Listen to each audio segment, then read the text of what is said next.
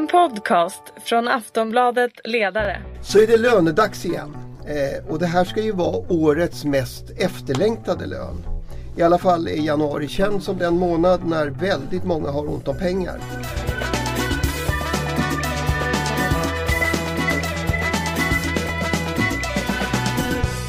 Jag säger välkommen till våra vanliga gäster här i Lönedagsstudion.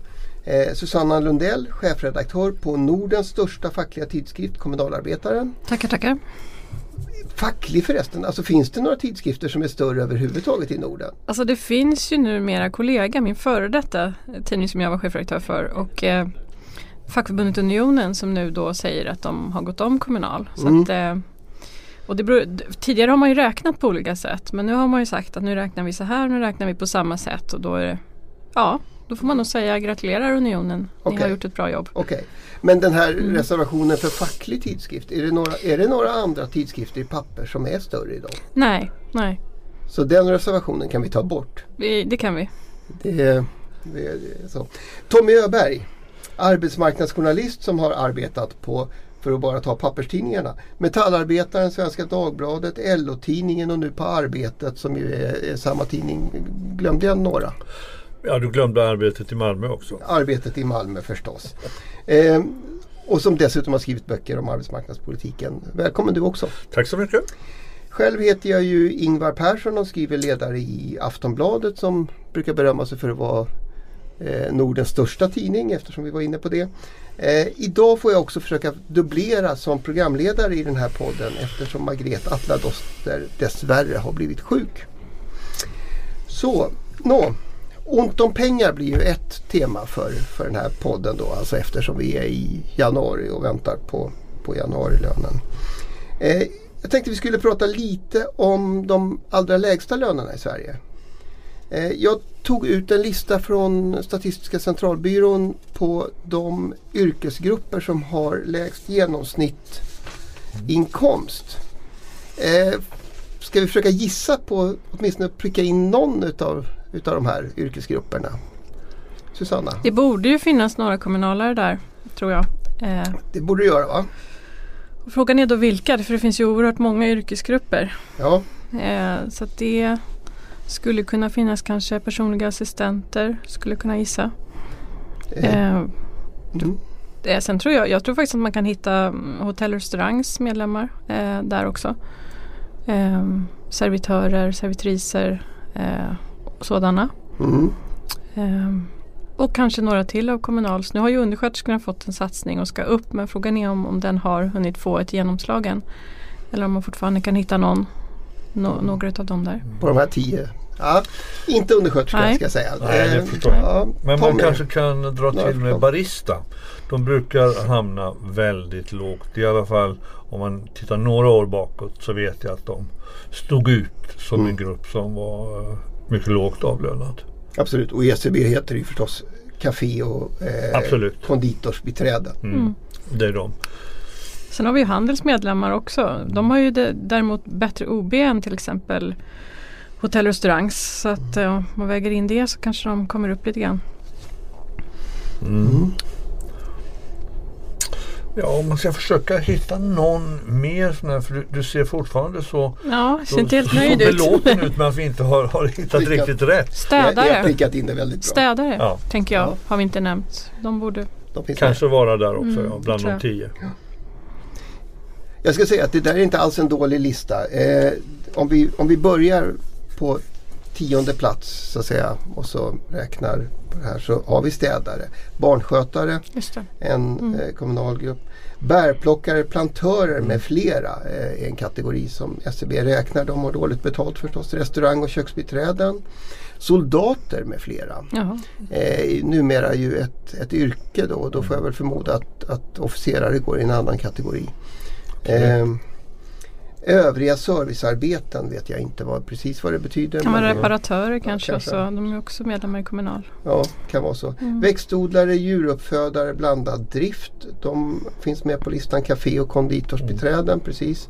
Övrig hemtjänst, eh, hemservicepersonal med flera. Det Mm. kan väl vara säkert lite olika grupper. Den grupp som har allra lägst har ni dock inte varit Har i vi närheten inte det? Det är ju fruktansvärt Tommy. Eh, och det är marknadsundersökare och intervjuare. Ah, Jag, tr- jag, jag tror att det kan egentligen vara en ganska intressant. talande bild för att man glömmer de här Callcenter. Callcenter. Alltså det var ju när jag Ja. jobbade på Kollega och på Ja. Unionens medlemstidning så var ju det den grupp som hade det allra tuffast som vi ofta skrev om och som Kollega fortfarande skriver om. ja, Tuffa arbetsvillkor och Låga löner. låga löner och ofta jobbar de på ar- arbetsplatser utan kollektivavtal. Så att det, var, det var en bransch verkligen Ja. där man behövde ja, hjälp från facket. Precis. Mm. Nej, men, och jag vet inte om ni kommer ihåg den här konflikten eh, i Fränsta. Eh, uppe i, i Mellannorrland där, där man ju just konfliktade för ett kollektivavtal eh, för ett par år sedan. Och- Ja, utan framgång dessutom Eh. Ja, utan framgång. Det blev så småningom så att man la ner. Det är ju Just inte, det. inte så ovanligt. Men det var, jag var ju uppe och, och träffade dem alltså, och, och, och man förstår ju att det här är väldigt Mm. tuffa villkor. Eh, och de, eftersom de är, eftersom de är organiserade, nu säger vi det, alltså man skrev om det på Union, de är organiserade i TCO-förbundet Unionen. Ja, precis. Så de kommer liksom inte riktigt med i, i de här LO-diskussionerna om låglönesatsningar. Nej, det var intressant att de var Mm. lägst. Eh, Så att det, det, det kan man tänka sig. Nå, det där var en, en liten... Eh, jag, jag ska fråga också. Vad, eftersom det kan vara... Vad tror ni medellönen 2015 pratar vi om. För just marknadsundersökare och intervjuare kan vara då? Mellan tum- 18 och 19. Under 20 i alla fall. Det är 18 800. Mm. Ehm, Alla de här tio jobben som vi, vi eh, pratar om ligger i spannet mellan 18 800 upp till 22 400. Mm. Och då är det ju ganska många människor vi pratar om. Det är det, absolut. Så det är klart att... Ja, det är på- flera hundratusen. Ja. Varav många ju förstås dessutom lever i, i storstäderna Ja. med samma kostnader som alla andra. Och det ska man komma ihåg att många av de här jobbar deltid och inte heltid. Eh, och många av Kommunals eh, avtalsområden och yrkesgrupper är ju sådana till exempel och även hotell och restaurang. Så att man tjänar egentligen ännu mindre. Det här är heltidslöner ju. Så att eh, det kan se ännu mer, ännu tuffare ut i januari när man ska försöka få någonting att äta på bordet och pengarna är slut helt Mm. enkelt. Och man kan tvingas till flera olika jobb och så vidare. Så att det, det är tuffa villkor. Ja, nej men så är det och det, det är liksom värt att, att, komma ihåg. Ibland Yes. så framställs det ju som, som Mm. att det här med att det är tufft i slutet på månaden eh, skulle handla om dålig planering. Men det, det är nog faktiskt så att Mm. pengarna helt enkelt inte, inte räcker till. Precis. Nej, det är tuffa villkor. Nå, det är ju delvis det avtalsrörelsen kommer att handla om förstås. Eh, jag tänkte vi ska, bara för att, för att liksom placera oss rätt i tid. Vi, det har ju varit liksom jul och, och julledigt nu och sådär. Eh, kalendern. V vad är det som händer Tommy? Ja, alltså, så vitt jag förstår så, så direkt efter 13-helgen så började industrins förhandlingar på riktigt. Inte minst då på, på det stora och mest uppmärksammade avtalsområdet, alltså som är teknikföretagen och de samförhandlade tre facken då, Sveriges Ingenjörer, Unionen och IF Metall. Och de har nu träffats ett antal gånger redan. Och mest, om jag förstår eh, proceduren riktigt, är att försöka städa bland kraven på båda sidor. Att man kan inte kanske eh, Eh, klara ut allting utan vissa saker får man släppa. Andra försöker man lägga lite åt sidan för att kanske eventuellt återkomma till i ett senare skede då också de opartiska ordförandena kommer in i spelet och det gäller då i mars.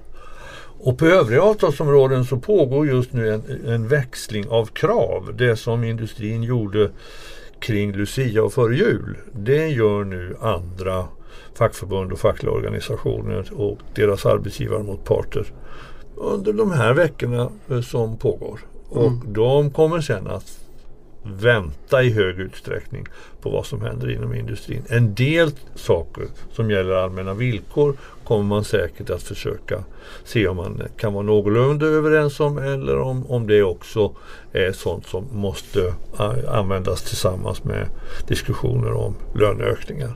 Men allt fokus ligger egentligen på industrin.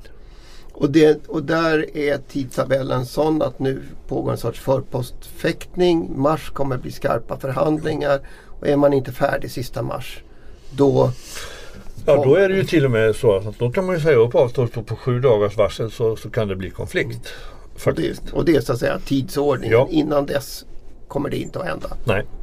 Eh, och Susanna, på, på vilket sätt berör det här till exempel Kommunal då som ju har ett, ett längre avtal?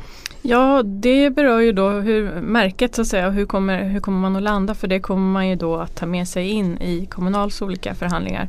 Så det är avgörande hur det, hur det blir, Mm. helt enkelt. Så att, så att även, även förbund som har ett, ett avtal som löper kommer att påverkas utav, utav de förhandlingar Ja, som pågår. om man har skrivit in då, vilket man har gjort till exempel på Kommunals sida, att, att eh, det ska vara i nivå med märket som ju då inte var satt när man kom överens om det avtalet. Så, Mm. så på så sätt så påverkar ju industrins vad man kommer fram till, även andra. Ja. Mm. Okej, men så det är kort sagt eh, fram till sista mars så, så kan den här eh, spänningen fortsätta. Ja det kan den absolut men jag tror att vi kommer att, att höra och, och förstå mycket mer av vad som är riktigt svårt när vi kommer kanske en bit i början på mars. Då, då, då det läcker ifrån alla förhandlingar inom industrin som då pågår om vad det finns ju oftast ett intresse utav att, att positionera sig alltså också offentligt när det börjar bli kärvt. Och då kommer vi att veta vad de bråkar mest om och var det finns hygglig samsyn och, och, och då kan vi börja spekulera om, om hur det där ska landa. Och då är det inte säkert att de där frågorna för, för här före jul när, när man växlade krav så var ju, var ju själva lönenivån eh, som vanligt då den, den största och, och man betonade att det här gick inte alls liksom.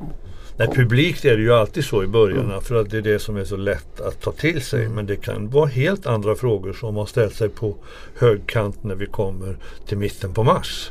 Alltså det här med, med arbetstidsförläggning och alltså vem, vem som ska ha makten över att beordra eller icke beordra övertid och är lördagsarbete en möjlighet och sådana saker. Det kan bli precis lika besvärligt att lösa som om det ska vara 1,9 eller 2,2 procent i löneökningar eller sånt. Absolut. Och där har vi väl redan sett den här sortens eh, läcker kan man ju kalla det för fast det väl snarare egentligen är, är utspel egentligen va, Ja. från, från facket. Där man har, och vad, är- vad är det då arbetsgivarna vill ha? Ja, som jag uppfattar eh, framförallt teknikarbetsgivarna i den här delen är att de vill ha en utökad Alltså att slippa förhandla om hur normalarbetstid ska förläggas. Det betyder ju att om, om man kan variera den kraftigt beroende på hur orderboken ser ut så blir ju produktionen betydligt billigare för då slipper man ju betala övertid. Och det, de pengarna kan man ju då använda i, i sin tur för att höja lönerna istället. Alltså då betalar man ju sina egna löneökningar med att avstå från övertidsbetalning.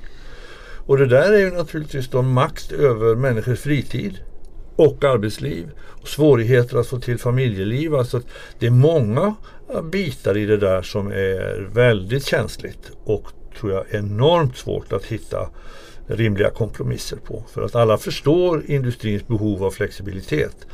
Men är inte beredda att låta arbetsgivaren bestämma allting utan förhandling. Och det där tror jag fortfarande är den stora nöten i mars när man ska få ihop ett avtal.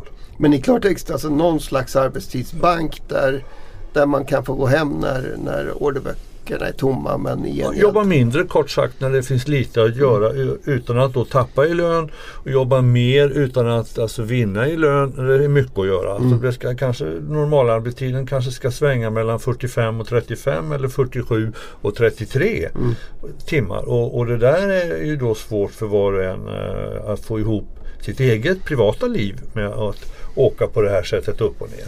Och sen är det ju mycket bråk om övertiden ska öka eller minska. Facken vill ju inskränka arbetsgivarens möjligheter att beordra övertid.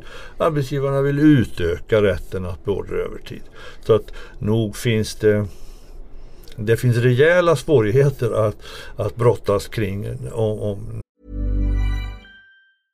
Ready to pop the question?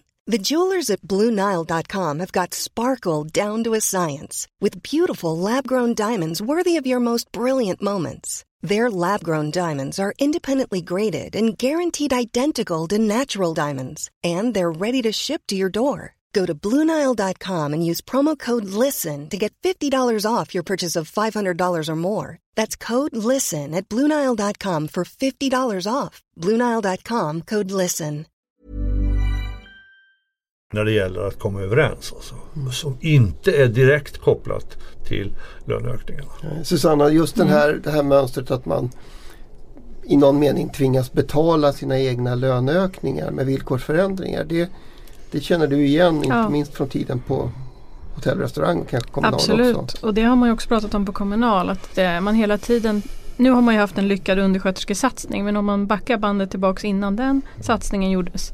Då har man ju haft att man hela tiden har fått betala löneökningar med villkorsförsämringar. Och det har man ju sagt, Lenita då som Kommunals avtalsansvarig har sagt att nu, nu är det slut med det. Nu ska det inte vara så längre. Utan nu, är, nu måste vi kunna behålla det- vi har vunnit så att säga och inte hela tiden betala för att få en löneökning. Men naturligtvis så, så har man ju även problem det som Tommy lyfter. Man har ju delade turer finns ju på många av Kommunals avtalsområden. Och det är ju också ett sätt för människor att i det närmaste bli livegna då därför man jobbar några timmar kanske som busschaufför och sen så går man hem. Och så ska man infinna sig igen och så får man då ingen fritid, svårt att få ihop det med familjeliv och så vidare. Och de här timmarna emellan då som man ska. Så det, det, finns, det finns ju många sätt att eh, ja, om man tittar på annat än lön som är väldigt viktiga då för, för de anställda och som man måste där måste man ju försöka hålla i så att man inte hela tiden måste ge med sig på de punkterna för då blir ju löneökningen, det blir ju att man hela tiden ska betala för den på ett sätt som inte är rättvist för de anställda. Och det här är väl frågor som är väldigt vardagsnära ute på arbetsplatsen men som, som inte alltid får så mycket uppmärksamhet när vi Absolut. Och det kan man ju fråga sig varför det är så. Men det är klart att lön är en viktig fråga för många. Men det är ju inte den enda. Utan det handlar ju också om, som Tom är inne på, hur ser arbetstiden ut? Hur finns möjligheten att eh, planera för, med familjeliv och annat? Att allt det där, det borde man prata mer om. Och just på kommunal alltså sånt där som rätt ja, vi pratar ju om det också, deltider. Alltså Mm. rätt till heltid, det har varit en sån där fråga? Men man, har, alltså, man skulle kunna göra ett, ett, eh, ett experiment eller åtminstone tänka lite högt kring är det här en effekt utav industriavtalets hårda normering? Att frågorna glider över ifrån alltså procent och kronor i högre grad än tidigare mot makt och inflytandefrågor som är, om, om vi kallar dem mjuka då, även om de ju har ett hårt innehåll. Jag börjar tro att det är en oönskad effekt utav industriavtalet. Att allt fler förbund får ägna tid åt helt andra frågor än ska det vara 2,x eller 2,y eller 2,z procent. För det är redan fastslaget. Det blir det det blir. Och då undrar jag om inte det där alltså... Mm. Och ska man sedan dessutom kunna presentera ett krontalspåslag för, som man har lovat medlemmarna så blir det i form, alltså då ska det räknas av någonstans för att passa i modellen. Ja, och det är så det är, precis som Susanna säger. Alltså det är ju många förbund, inte minst på LO-sidan, som jag har tvingats avstå från både det ena och det andra för att ens nå märket. Inte att överträffa det, utan att nå upp till det. Och i år är ju det den kanske mest spännande skrivningen i LO-samordningen. Att 14 förbund har sagt att vi är beredda att stötta varandra för att ingen ska behöva betala för det industrin kommer överens om. Och det är den riktiga matchen. Klarar förbunden det när det väl drar ihop sig? Och det har jag för närvarande ingen aning om men det är en spännande match som väntar. Det, det har man ju pratat om mycket också om märket ska vara tak eller golv. Och där har ju Kommunal tyckt att man ofta har fått liksom att man aldrig kan få mer. Och det, det är ju någonting som jag tror man kommer fortsätta att lyfta. Mm. Att det inte alltid får vara så att det ska vara ett tak utan det kan också vara ett golv även för Kommunal. Mm. Och skulle man fråga ett IF Metall så skulle de väl säga att det alltid har varit ett golv. Ja, Eh, om, om, antagligen. Det, får man, nej, men bara, nej men det här är också Mm. en, en, en fråga, jag vet inte om ni såg precis idag så var det en debattartikel från eh, ett antal eh, företrädare för, för kvinnor, olika kvinnoorganisationer och fack, fackliga, fackförbund som egentligen ställer ungefär de frågor om industriavtalet som, som vi är inne på här och, och, och ju antyder eh, liksom, ja, behovet av någon sorts förändring. De föreslår ju också en insamlingsmodell om jag förstod det rätt där staten så att säga samlar in i form av arbetsgivaravgifter och sådär. Det, det kan väl vara lite dramatiskt men, men så frågorna lever ju hela tiden kring industriavtalet. Går det här, går, är den här modellen liksom möjlig och klar? Och det är väl en, en grund, ett grundproblem att att det är klart att någon sorts relativlöneförändringar, alltså att, att man faktiskt justerar orättvisor, Mm. måste ju en, löne, en, en lönebildningsmodell klara av. Ja annars så kommer den att förändras antingen i eh, stor överensstämmelse eller också via bråk. Den kommer inte att hålla om, om den inte levererar det människor vill ha. Nej, Så är det. Ja. Och samtidigt så är det ju, alltså häromdagen så kom ju Medlingsinstitutet med, med siffror över löneökningar och de visar sig, de har inte varit särskilt höga. De är egentligen ganska lite över det som är avtalat. Eh, samtidigt så säger till exempel Konjunkturinstitutet att vi borde förvänta oss en, en löneglidning därför att det ju faktiskt är brist på väldigt många yrkesgrupper. Eh, och då är ju, då är, alltså då är ju frågan, ehm, är, är det också ett tecken på att den här lönebildningsmodellen, idén att man, att man sitter ner och förhandlar, att den kanske håller tillbaka lönerna mer än vad som borde vara rimligt? Det där, är, det där är en svår fråga att, eh, att närma sig eftersom historiskt så har alltid arbetskraftsbrist drivit upp alltså den så kallade löneglidningen och relativt snabbt. Den här gången när det verkligen är fart, hygglig fart i alla fall på de allra flesta delar av ekonomin, så sker det bara ett par tiondelar enligt Medlingsinstitutets statistik och det är väldigt lågt. Och om det är för att arbetsgivarna håller i hårdare än någonsin tidigare när det gäller alltså lokala förhandlingar, revisionsförhandlingar eller förändringar av lönesystem eller vad det nu är. Det är oerhört svårt att veta. Men bristen i sig borde trycka upp det för när man börjar köpa anställda av varann då kostar det alltid mer och det måste slå igenom om det är tillräckligt många som omfattas. Men än så länge har du ju alldeles rätt. Det går inte att läsa ut det av statistiken. Däremot så kan man ju se när det gäller lärarna till exempel att de byter jobb just nu. Nu är det lärarnas marknad för de vet att de får upp sina löner och de har också fått mer pengar men då har ju det skett utanför och då, då har man också fått det här problemet att det splittrar så att säga på skolorna att vissa får hög lön och andra inte så har man fått osämja då. Däremot har man fått upp, men man kan ändå inte se det i statistiken vilket är intressant. Man kan tycka att den satsningen ändå har varit stor. Kan, kan, alltså, och det här, därför att där kommer vi ju in på, på jag, jag tänkte, eh, med, tidningen Arbetsvärlden eh, har ju pratat med Medlingsinstitutets tre generalsekreterare som, som eh, ja, man har haft då genom åren. Och Claes Stråth som ju nyss, nyss har avgått, han säger ju där i, i den intervjun att han är orolig just för den offentliga sektorn. Och just därför att, för där har vi ju har vi ju stor arbetskraftsbrist då. Till exempel lärare, eh, sjuksköterskor eh, och, och socionomer är ju de som man brukar peka på direkt. Sådär. Han är orolig för att löneklyftorna i den offentliga sektorn kommer att skapa kompensationskrav då närmast från Kommunals sida till exempel. Eh, och då kan man fråga sig, dels förstås får vi komma tillbaka till hur, hur arga är man i Kommunal på att man ser det här, att, att pengarna går någon annanstans. Men frågan är också, för det här sa inte Claes Stråth när han var generaldirektör på Medlingsinstitutet. När han ju faktiskt hade rollen att säga att systemet fungerar, det finns ingen, inget behov av kompensationskrav. Kan det vara så kan det vara så att det här är lite mer klarspråk av den som inte längre är ansvarig Medan statistiken gärna försöker ge en bild av att systemet fungerar bättre än det gör. Ja, jag skulle säga att, att det, det är lättare att uh, mumla ur skägget när man inte längre är generaldirektör.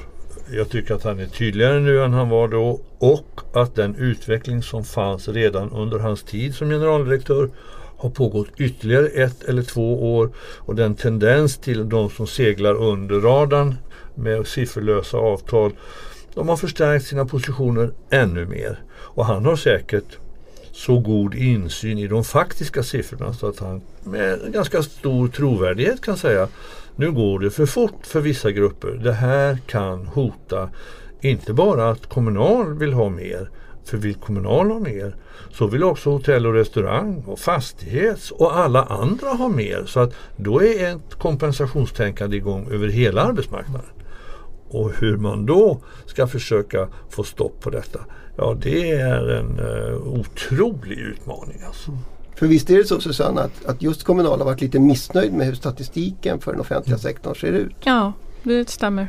Och det är svårt i den att se alla de här skillnaderna som finns då. Till exempel mellan sjuksköterskor och lärare och eh, så har du då undersköterskor och de andra på andra sidan. Så att eh, statistiken visar ju inte alla problem som finns och det är väl där också som Claes är tydligare, Claes Stråth, i det här fallet. När han har en annan roll och också då kan prata lite mer som Tommy säger.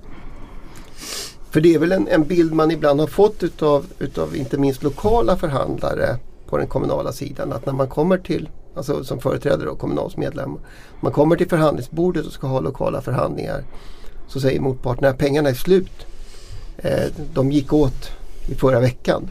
För att vi var, var tvungna att höja lönerna för, för andra grupper. Det, det är väl en, jag tycker jag har hört den historien. Ja, och då slår det ju mot varandra så att säga. Mm. Då blir ju så att den, den enes bröd blir den andres död. Nej, inte riktigt, men, men åt det hållet. Men om man, eh, och det där kravet som, som LO reste för, det är väl ett knappt år sedan, om att göra om statistiken på offentligsidan så att man kan se avtalsområde för avtalsområde hur det går skulle ju naturligtvis underlätta den här diskussionen högst avsevärt. Om vi vet att sjuksköterskorna tar ut 4,5 procent, alltså socionomerna 4,8, lärarna 3,9 och så vidare och Kommunal når knappt upp till det så kallade märket. Va? Ja men då blir bilden genast kristallklar av hur det ser ut. Idag kletas det där ihop. Så att man ser liksom hur hela sektorns löneökningar ser ut. Och då är ju Kommunals medlemmar med och drar ner det snitt som vi egentligen skulle se på de andra är mycket högre. Och det där skulle vara väldigt välgörande om, om regeringen inte minst gav eh, Medlingsinstitutet och SCB i uppdrag att nu måste statistiken se annorlunda ut. Då eh, vet vi mycket mer när vi pratar om hur det här faktiskt är. Men kan det vara så att man inte vill veta det? Därför att det är lättare att hävda att, att systemet fungerar. Ja, jag skulle säga Ja. att, att det är skälet till att offentlig sektor inte redovisar det på, på det sätt som, vi nu, eller som jag vill att de ska Mm. göra. Ja, jag instämmer med Tommy i det fallet. Ja, men det, men det betyder ändå att här finns så att säga, sprängkraft som, som kommer att, att ligga kvar. Eh, Ja, och det måste man komma till rätta med tror jag. Om det ska fortsätta fungera som idag och man ska ha ett förtroende för Medlingsinstitutets arbete och roll så är det jätteviktigt.